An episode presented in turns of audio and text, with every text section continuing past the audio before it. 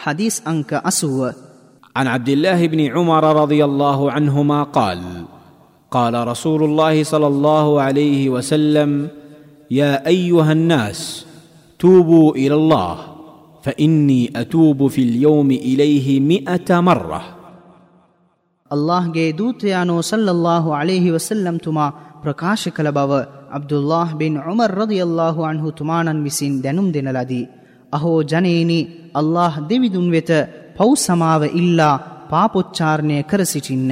නියත වශයෙන්ම මා මාගේ ස්වාමයා වූ අල්له දෙවිදුන් වෙත දවසකට එක සියවරක් පව් සමාව අයද පාපොච්චාරණය කරමි.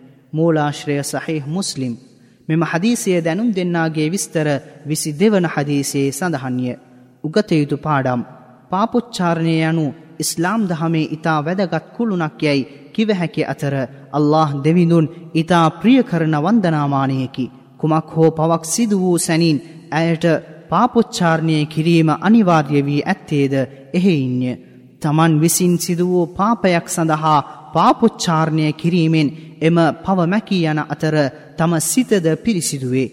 ඒ විතරක් නොව එම අකුසල් කුසල්මෙන් පරිවර්තනය කරනු ලැබේ. තවද පාපොච්චාරණය කිරීමෙන් අල්له දෙවිඳුන්ගේ ආදරය හා කරුණාව ලබාගත හැකි අතර අයහපතෙන් යහපත වෙතතට යහපත වෙතටද මගපාදා ගතහැක සැබෑ පාපොච්චාරණය අල්له දෙවිදුන් පිළිගනු ඇත එහෙයින් සෑම මිනිසෙකුම නොකඩවා සර්ව බලධාරී අල්له ඉදිරියේ පාපොච්චාරණයේ නියලිය යුතුයි. පාපයක තරම කොතරම් වුවද එයට පාපොච්චාරණයේ නියලීම සඳහා අනිවාර්ය කරුණු ස්වල්පයක් ඇත මෙම කරුණු එහි අඩංගුවේ නම් එය අල්له ඉදිරියේ පිළිගනු ලැබේ. ඒවා නම් මෙම පාපොච්චාරණය අල්له දෙවිදුන් වෙනුවෙන් පමණක් යන චිත්ත පාරිශුද්ධියෙන් යුතුව තිබිය යුතුයි. එවිගසම එම පවෙන් ඉවත්විය යුතුයි. තමන් විසින් සිදුවූ මෙම පාපය සඳහා කණගාටු විය යුතුයි. නැවතවරක් මෙම පාපය නොසිදුවිය යුතුයි යැයි ස්තීර නිගමනයකට පැමිණිය යුතුයි.